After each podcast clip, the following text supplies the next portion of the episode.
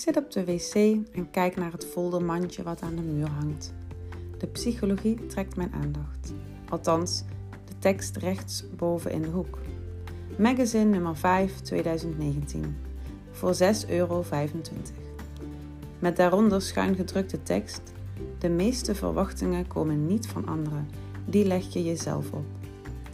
En vanaf dat moment laat dit onderwerp me niet meer los, blijft het malen in mijn hoofd en resulteert het anderhalf jaar later tot de inzichten die ik heel graag met jullie wil delen in mijn vijfde podcast. Welkom bij mijn podcast Gewoon Gelukt.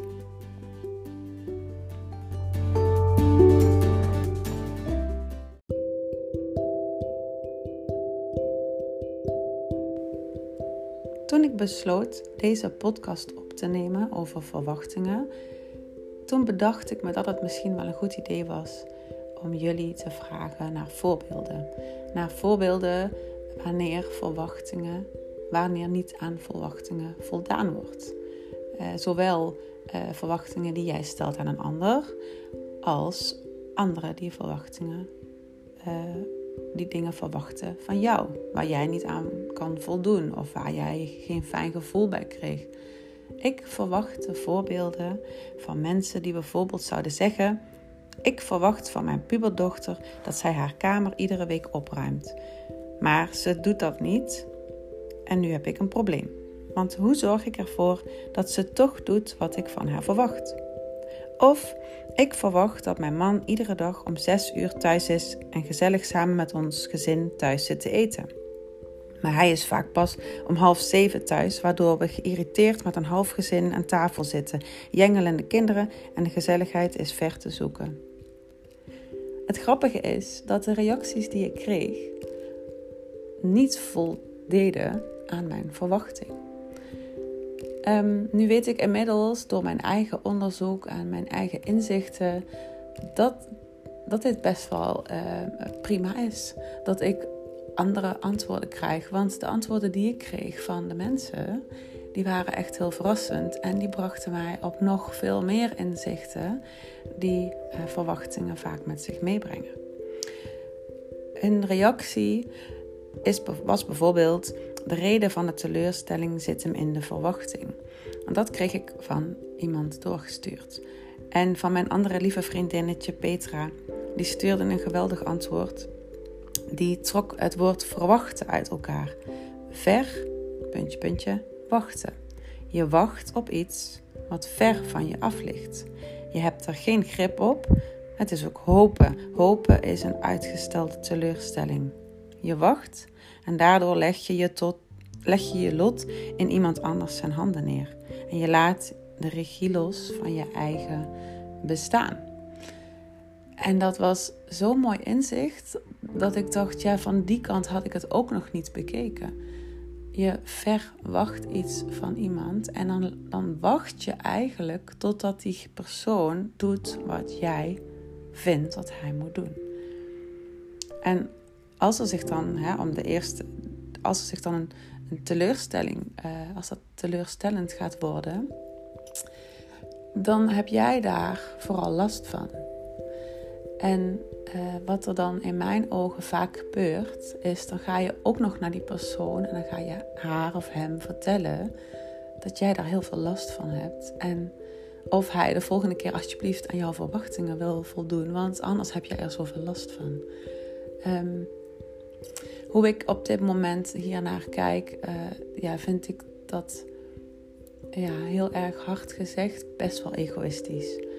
Um, egoïstisch van de persoon die de verwachtingen stelt van een ander.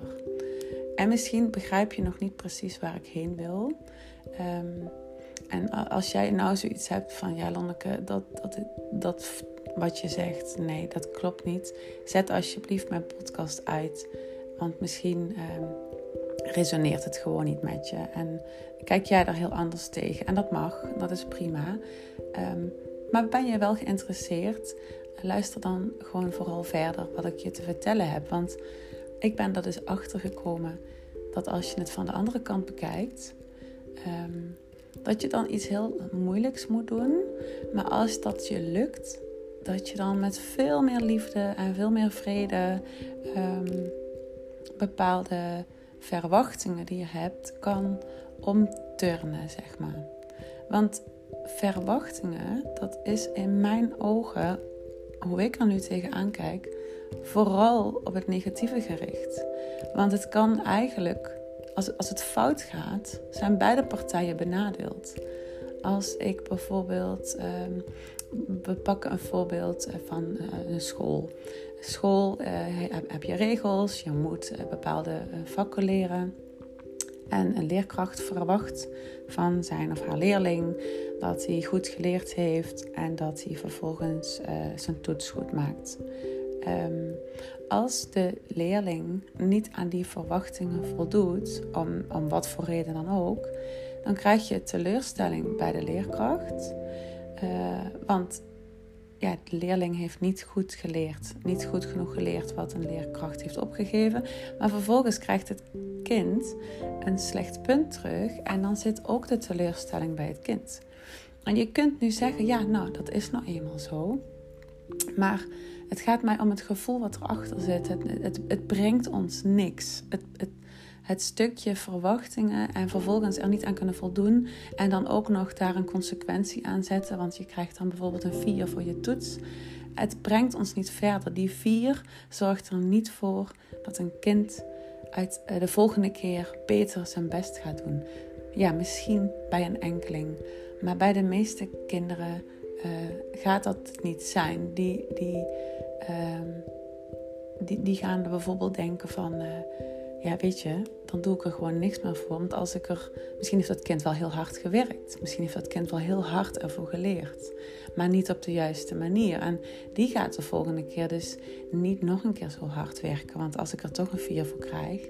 En het interesseerde me al niks. Hè, het vak geschiedenis bijvoorbeeld. Dat interesseert me al niks. heb ik er ook nog heel hard mijn best voor gedaan. Ik heb aan die verwachtingen van de leerkracht proberen te voldoen. Maar het is niet gelukt ja, weet je, dan is de, uh, de motivatie ver te zoeken om vervolgens te zorgen dat het de volgende keer beter gaat. En misschien zullen die kinderen er wel zijn die de volgende keer juist heel hard gaan werken.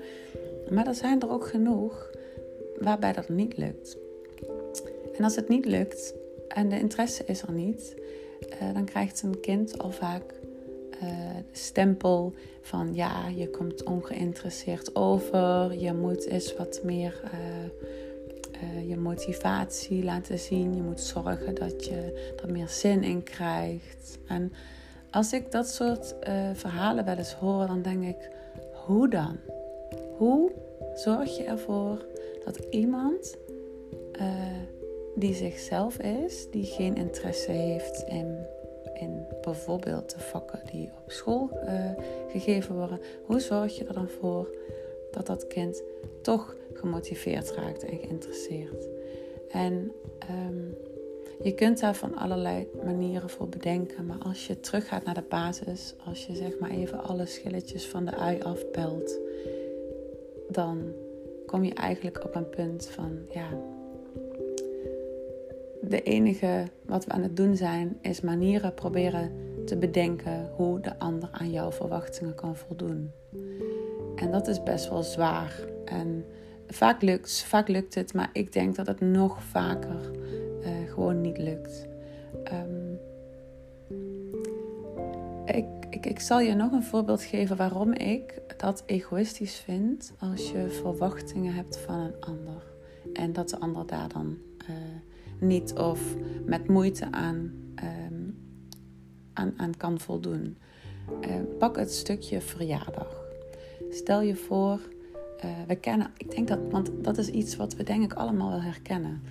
Um, stel je voor, je gaat alle verjaardagen af van je vriendinnen, van de man of de vriend van je vriendin, van de kinderen van je vriendinnen. En dan heb je ook nog je naaste familie, je ouders, uh, je, je broer of zussen, daar de kinderen van, je eigen kinderen, je eigen man, de buren, uh, noem maar op. We hebben zo door het jaar heen behoorlijk wat verjaardagen waar we heen gaan. En bij de ene ga je heel graag heen en naar een andere verjaardag doe je het eigenlijk alleen maar omdat het verwacht wordt van jou, omdat het de norm is.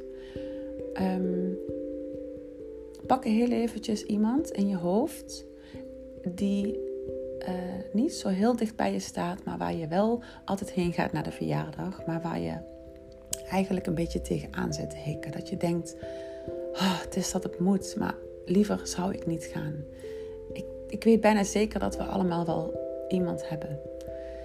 Oké, hou dat in je hoofd en stel je even jezelf uh, voor dat, um, dat die persoon die stuurt jou een uitnodiging en die verwacht dus eigenlijk dat je komt. Dat wordt niet bewust vaak uitgesproken, maar als iemand je uitnodigt, dan is het wel zo netjes om, aan die ja, om, om in te gaan op die uitnodiging, om daar ook heen te gaan. Maar jij hebt geen zin. Je zit er eigenlijk al de hele week tegen aantekenen. Jouw man die zit ook nog te zeggen: waarom moeten we daarheen? Ik ken die mensen helemaal niet. Dat maakt je nog geïrriteerder, want ja, het hoort gewoon zo. Je moet nou ook eenmaal wel eens dingen doen die niet zo leuk zijn. Dit hoort er gewoon bij. We gaan naar die verjaardag. En uh, straks zijn we gaan gewoon niet te lang. En dan zijn we straks lekker thuis en dan gaan we leuke dingen doen. Um, stel je nou eens voor hè, dat de persoon die jou uitnodigt dat zou weten. Hè? Verplaats je eens in de persoon die de uitnodiging verstuurt. En stel je voor dat die mensen op jouw verjaardag komen en die van tevoren of de hele week daarvoor hebben zitten, tegenaan hebben zitten hikken om bij jou op je verjaardag te komen. Stel jezelf de vraag is: zou jij nog zou je dat leuk vinden? Zou je dat echt heel leuk vinden dat die mensen dan op jouw verjaardag komen?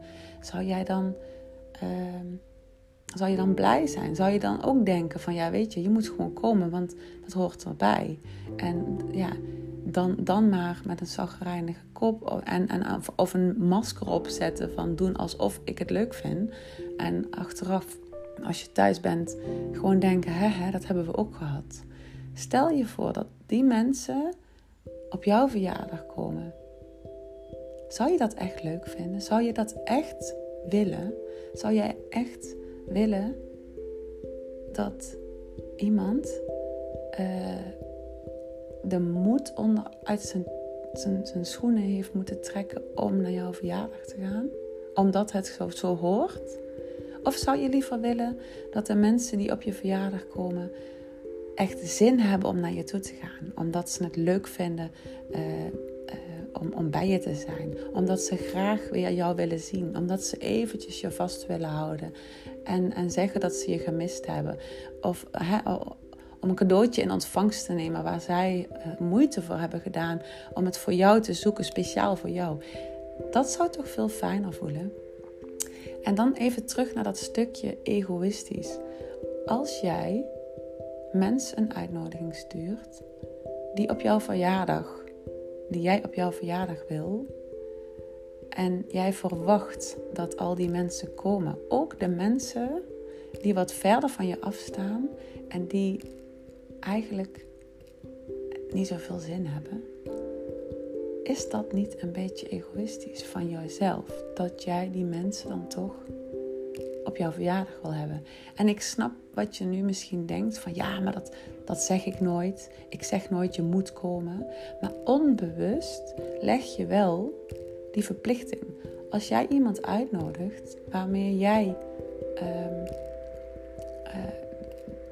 die, die, die ook niet zo dicht bij jou past, want dat is het wel een beetje. Hè? Ik, ik, ik weet ook heel zeker dat mensen die niet graag komen, die komen omdat het hoort, dat voel jij ook. Jij voelt als die mensen op jouw verjaardag zijn aan alles dat zij op dat moment niet heel graag bij jou zijn. Dat zij er zijn omdat het zo hoort. Dat, dat voel jij gewoon aan alles. Dat kan niet anders. En uh,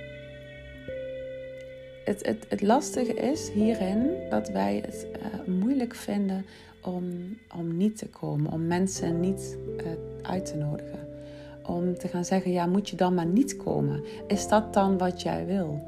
En mijn hele korte antwoord is ja, dat is wat ik wil. En vaak uh, moet jij, um, moet jij niet, jij mag de keuze maken om mensen te kiezen waar je echt verbonden mee bent, waar je echt graag bij wil zijn die ook heel graag bij jou wil, willen zijn.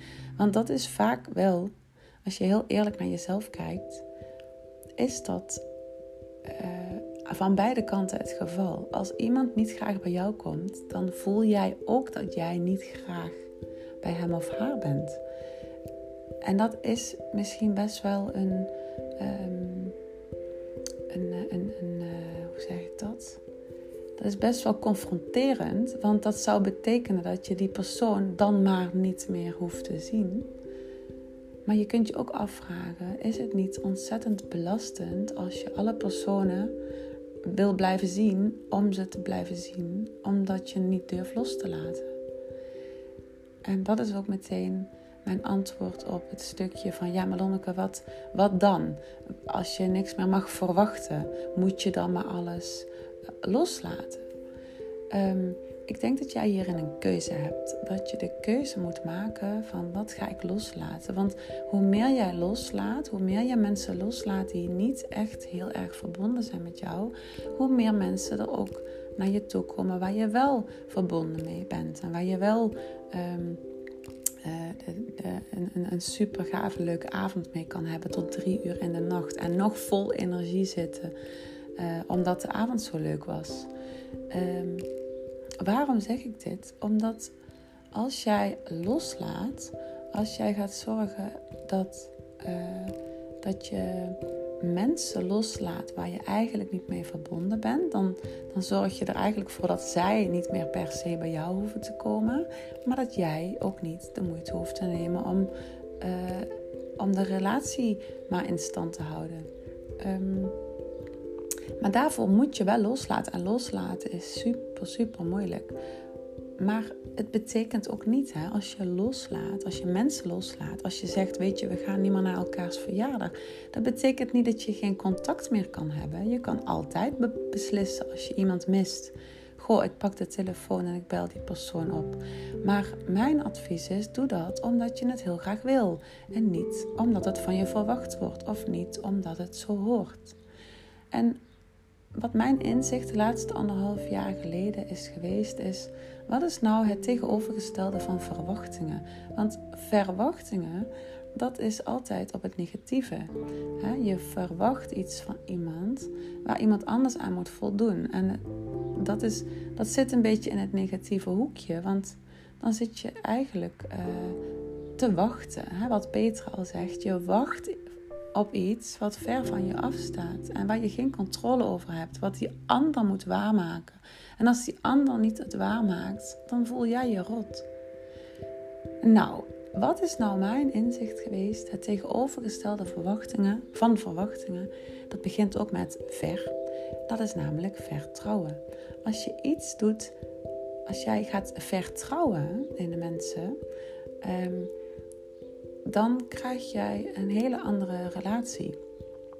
Als je erop vertrouwt dat de mensen die, die, die bij jou staan, die dicht bij jou staan, dat die toch wel komen op jouw verjaardag. Ehm, dan, heb je, dan krijg je alleen maar mensen op jouw verjaardag waar je een hele innige band mee hebt. Dan krijg je mensen op jouw verjaardag die heel graag bij jou zijn en waar jij energie van krijgt. Want dat is ook uh, wat je ervoor terugkrijgt. Je, je gaat mensen loslaten waar, die jouw energie kosten, maar je gaat mensen aantrekken waar je energie van krijgt. En waar je dus ook, want dat herken je denk ik wel, dat je ook wel eens van die avonden hebt dat je tot, dus tot drie uur s'nachts met, een, uh, met een stel bij elkaar zit. Um, waar het mega gezellig is en dat je om half vier toch maar gaat zeggen van ja jongens, we moeten nu echt gaan slapen. En het liefst zou je nog doorgaan tot de volgende dag dat geeft jou energie. Dat is ook de reden waarom je het zo lang volhoudt. De reden waarom je tot half vier in de nacht uh, het gezellig kan hebben, is omdat, het je in, omdat je er energie van krijgt. Letterlijk. Um, en dat is toch wat je wil in het leven. Je wil toch met mensen omgaan waar je heel veel energie van krijgt. En, die je kan vertrouwen. En waar je, je het gevoel bij hebt van ik hoef hier niks te verwachten. Want ik vertrouw er al op dat, uh, dat de persoon ja, toch wel komt. Um, en dat is het positieve, de positieve kant van de andere kant van verwachtingen, zeg maar. Verwachtingen zie ik als negatief. En als je vertrouwen hebt, dat kan alleen maar positief uitpakken. Um, en ik snap dat je nu niet begrijpt uh, hoe kan ik dan bijvoorbeeld zo'n leerling-leraar-relatie, uh, verwachtingen, hoe kan je dat omzetten in vertrouwen? Uh, om dat te begrijpen zul je eerst moeten loslaten. Zul je eerst moeten snappen en helemaal begrijpen waar het probleem zit. in, hè, want in, in het stukje school zit je nou eenmaal in een systeem met verplichtingen waar leraren aan moeten voldoen en waar een leerling vervolgens aan moet voldoen. En dat kan je niet zomaar omdraaien. Je kan niet zomaar zeggen, nou weet je, dan laat maar zitten die toets en uh, je hoeft niet meer naar school. Dat, dat, is, dat is wel heel radicaal denken. Maar waar het in zit is loslaten. En loslaten is super moeilijk. Laat je verwachting los en kijk wat er gebeurt. En vaak als je echt iets los kan laten, dan komt vanzelf, ehm, komt dat vanzelf wel naar je toe. Als ik loslaat uh, dat bijvoorbeeld mijn man per se om, om zes uur thuis moet zijn voor het eten, want dat is wel echt een voorbeeld van mezelf. Ik verwachtte van mijn man dat hij thuis moest zijn om, uh, voor het eten om zes uur. En, hij heeft een eigen bedrijf, hij is zelfstandig ondernemer. Dus hij zit op de weg. Hij kan ook niet altijd precies plannen. En soms is hij om vier uur s middags thuis en soms is hij om tien uur s avonds thuis. En dat is nou eenmaal zo. En ik heb jarenlang verwacht dat hij om etenstijd thuis was. En uh, die verwachtingen naar hem toe hebben mij helemaal niks gebracht. Het bracht me alleen maar negatieve, negativiteit. Want heel soms lukte het en dan was ik blij, maar vaker lukte het ook niet. En dan was ik niet blij.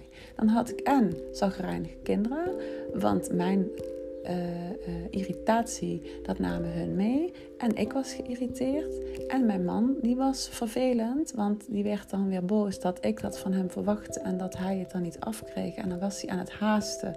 En omdat hij haast had, um, ging hij zijn klanten niet goed uh, behandelen. Hij, hij, was, hij, ging daar ook zijn irritatie neerleggen. En vervolgens kreeg hij daar weer uh, een, reactie op dat, dat hij geen tijd had voor hun.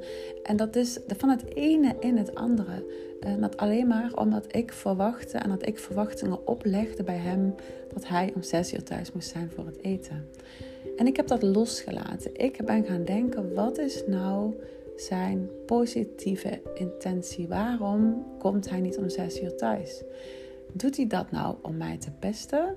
Of uh, doet hij dat omdat hij uh, niet bij ons wil zijn? En op al die vragen heb ik eigenlijk een antwoord moeten geven uh, waar ik onbewust van dacht. je wil inderdaad niet bij ons zijn, je geeft niks om ons. Maar als ik daar bewust over nadacht, dan dacht ik, ja, maar dat kan niet, want hij houdt van mij, hij houdt van zijn kinderen, dat zegt hij ook regelmatig. Wat is dan wat, dat, wat mijn gedachten um, zo maakt? Toen heb ik het omgedraaid, toen ben ik het los gaan laten. Ik ben los gaan laten dat hij van mij per se om zes uur thuis moest zijn. Want ik dacht, nee, hij doet dit voor ons gezin. Hij keihard aan het werk om geld te verdienen voor ons gezin. Om ons gezin draaiende te houden. Om leuke dingen samen te doen in de weekenden.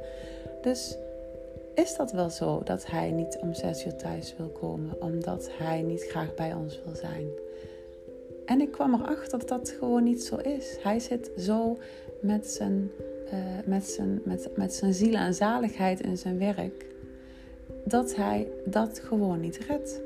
En soms is hij om vier uur thuis, maar soms ook om tien uur s'avonds. En dat is oké. Ik heb het losgelaten. En ik dacht, ik ga niet meedoen aan die normen en waarden die daar heersen. Als gezin moet je om zes uur aan tafel zitten gezellig met elkaar. Want het was nooit gezellig als ik dat bij hem afdwong.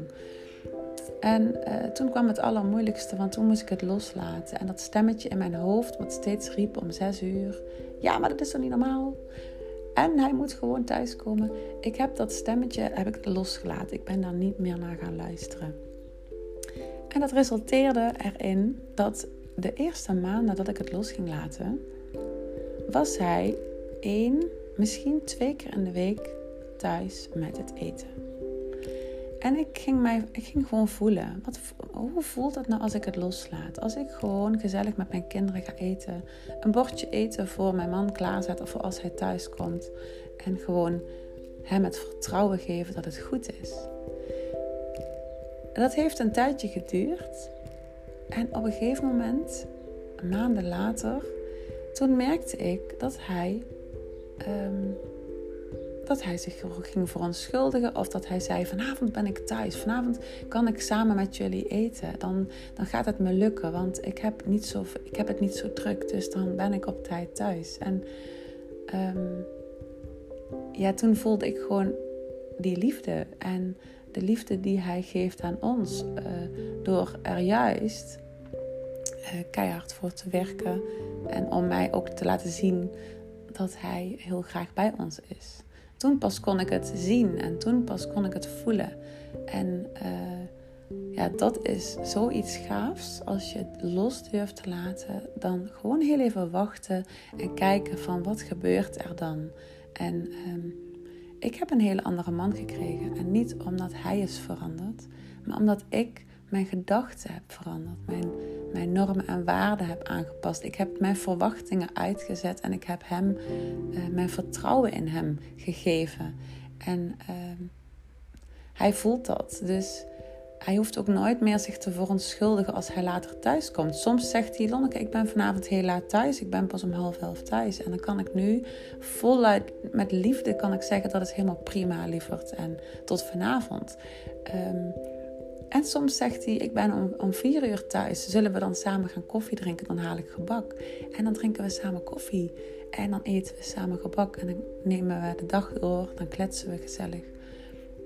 En uh, het, het mooie is van als jij verwachtingen omzet in vertrouwen, dan is er oneindig veel liefde waar je uit kan putten. Dan hoef je nooit meer te wachten uh, tot iemand aan jouw verwachtingen voldoet. Want dan is de persoon al uh, wie die mag zijn. Hij mag zijn wie hij is. Want ik verwacht, ik vertrouw erop dat, uh, dat het gevoel wat ik daarbij heb, dat dat goed is. Um, misschien vind je het lastig en spring ik wel van hak op de tok. Maar um, dit, is, dit is mijn boodschap die ik met je wilde delen. En ik, misschien komt er dadelijk nog wel van alles in me op dat ik denk, oh, dat had ik ook nog willen zeggen. Maar ik denk dat mijn boodschap wel duidelijk is.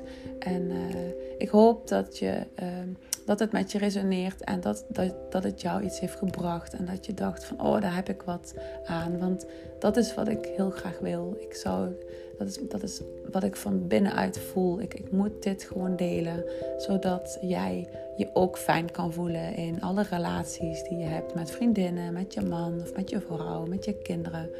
Um, ja, dat, dat hoop ik gewoon, want dat, dat is iets wat ik gewoon moet doen. Ik voel aan alles dat ik dat moet delen. Dus bij deze um, hoop ik dat het je iets brengt. Ik zou het super leuk vinden als je deze podcast zou delen op Facebook of Instagram. Of mij een persoonlijk berichtje stuurt van wat het je heeft gebracht.